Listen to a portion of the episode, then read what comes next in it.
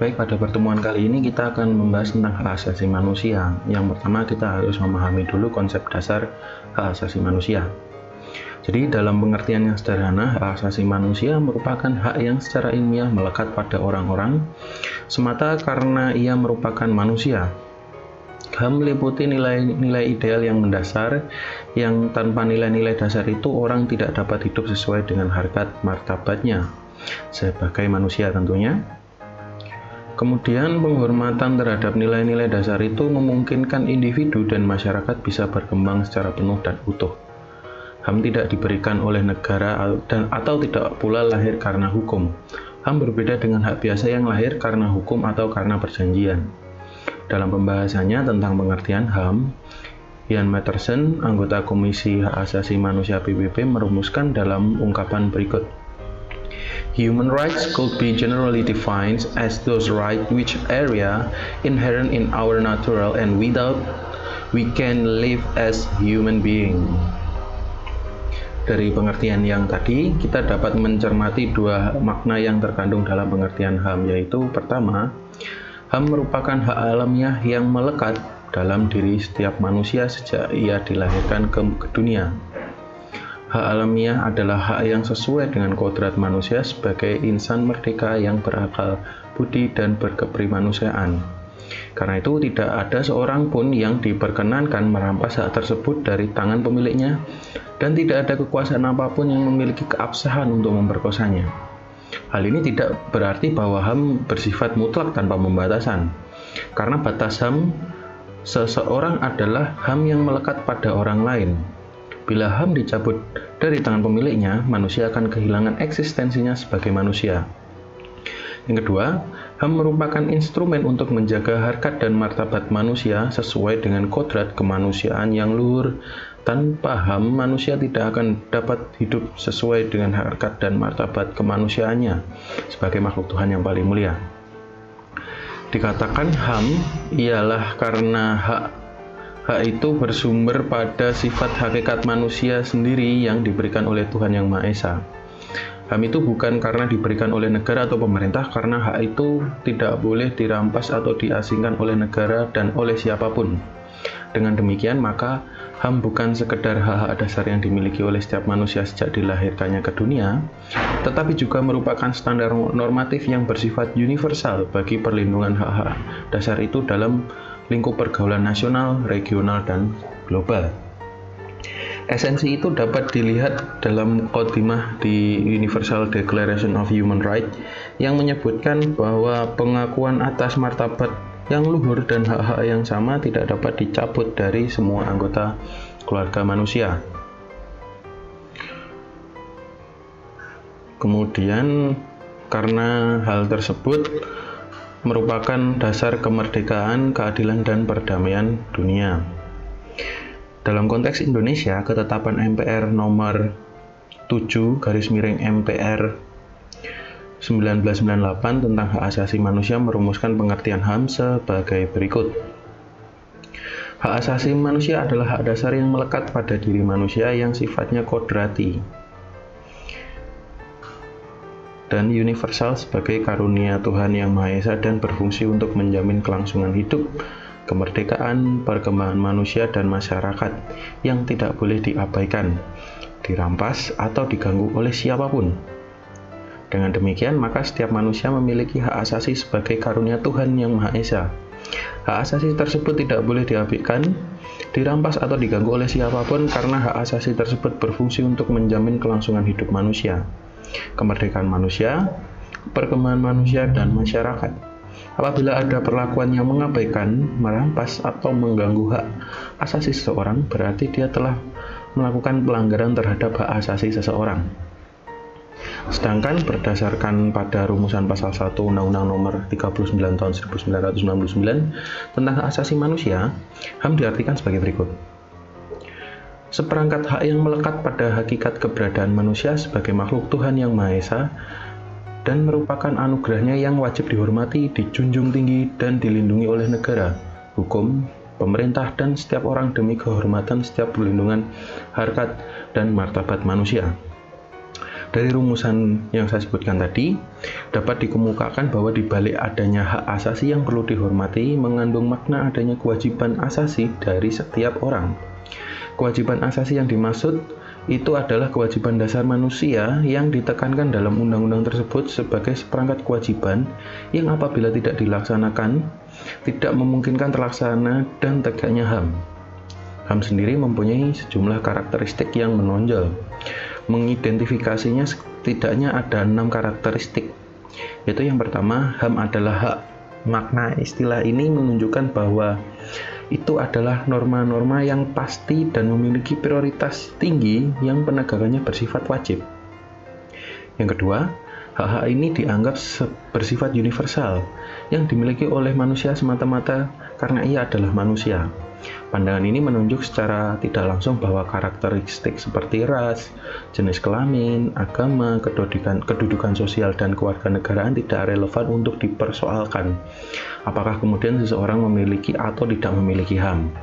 Ini juga menyiratkan bahwa hak tersebut dapat diterapkan di seluruh dunia. Salah satu ciri khusus dari HAM yang berlaku sekarang adalah bahwa itu merupakan hak internasional. Kepatuhan terhadap hak serupa itu telah dipandang sebagai objek perhatian dan aksi internasional yang sah. Kemudian yang ketiga, HAM dianggap dengan ada dengan maaf, saya ulangi yang ketiga, HAM dianggap ada dengan sendirinya dan tidak bergantung pada pengakuan dan penerapannya di dalam sistem adat atau sistem hukum di negara-negara tertentu. Hak ini boleh jadi memang belum merupakan hak yang efektif sampai ia dijalankan menurut hukum. Namun, hak itu eksis sebagai standar argumen dan kritik yang tidak tergantung pada penerapan hukumnya. Kemudian yang keempat, HAM dipandang sebagai norma-norma yang penting, meski tidak seluruhnya bersifat mutlak dan tanpa perkecualian. HAM cukup kuat kedudukannya sebagai pertimbangan normatif untuk diperlakukan di dalam benturan dengan norma-norma nasional yang bertentangan dan untuk membenarkan aksi internasional yang dilakukan demi HAM. Hak-hak yang dijabarkan di dalam deklarasi tersebut tidak disusun menurut prioritas, bobot relativitasnya tidak disebut, tidak hanya di, tidak hanya dinyatakan bahwa beberapa di antaranya bersifat absolut. Dengan demikian, HAM yang dipaparkan oleh deklarasi itu adalah sesuatu yang oleh para filsuf disebut sebagai prima facie right.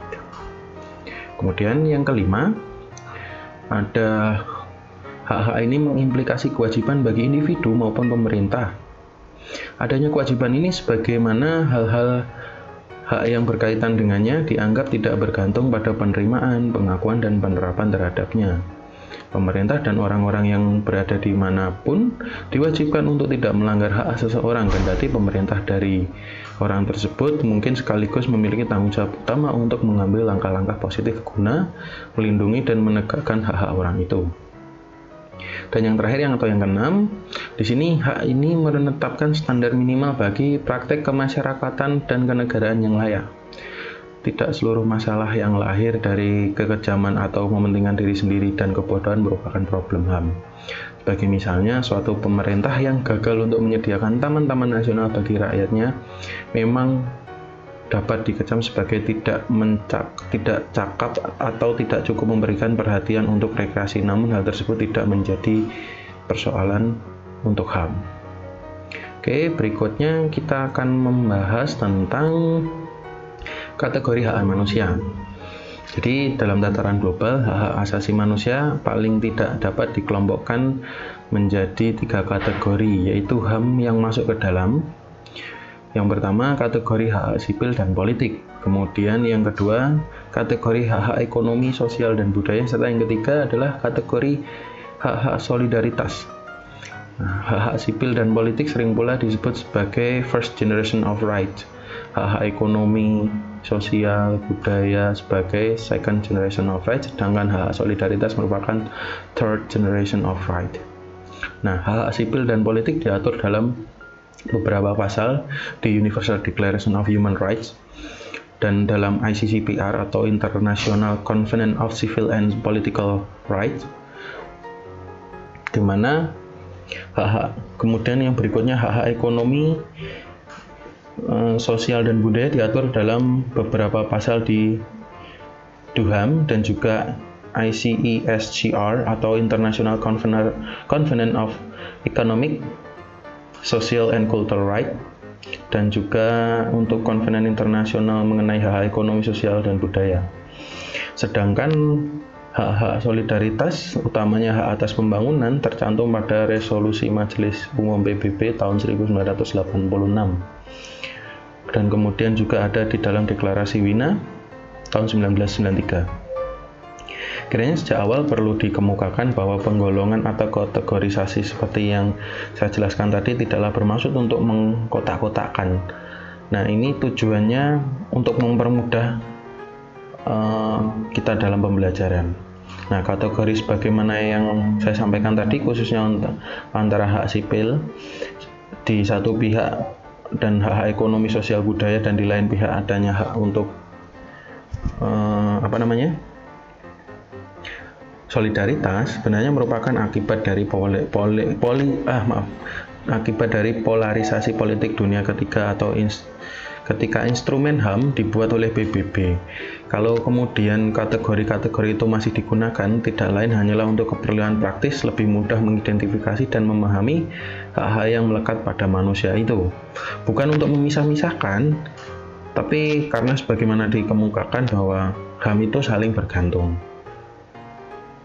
Kemudian adanya kebutuhan untuk membuat kesepakatan hukum yang bersifat global yang mengatur menjamin penghormatan penegakan HAM sebenarnya terutama lahir dari kesadaran historis akibat Perang Dunia yang kedua.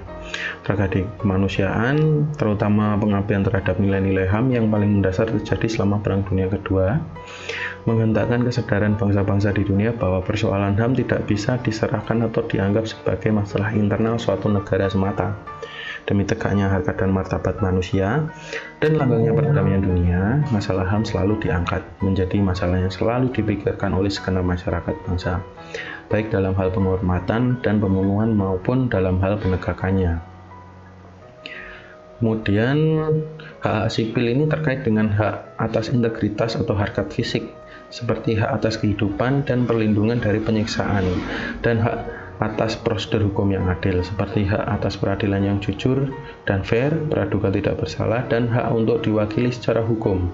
Hak-hak ini diatur dalam pasal 1 sampai pasal 18 DUHAM dan diatur lebih lanjut dalam ICCPR. Hak-hak politik termasuk kebebasan berpendapat, berserikat, dan berkumpul, dan hak untuk memberikan suara dalam pemilu yang bebas dan rahasia. Hak ini diatur dalam pasal 19 sampai 21 DUHAM dan pasal 18, 19, 21, 22, dan 25 ICCPR. Apabila kemudian dicermati, ICCPR ini memuat ketentuan, ketentuan mengenai pembatasan penggunaan kewenangan oleh aparat negara. Sehingga hak-hak yang diatur di dalamnya dijamin sering juga disebut dengan hak-hak negatif. Artinya, bahwa untuk menjamin terlaksananya dan dipenuhinya hak-hak dan kebebasan-kebebasan yang diatur di dalamnya, maka negara dituntut untuk tidak melakukan intervensi apa pun atau peran negara harus dibatasi sampai ke tingkat minimal. Intervensi atau pembatasan oleh negara terhadap hak yang diatur dalam ICCPR ini hanya dimungkinkan untuk beberapa negara dan hanya boleh dilakukan dalam keadaan darurat. Oke, sementara itu aja dulu nanti bisa kita bahas di atau kita diskusikan di kolom chat. Terima kasih.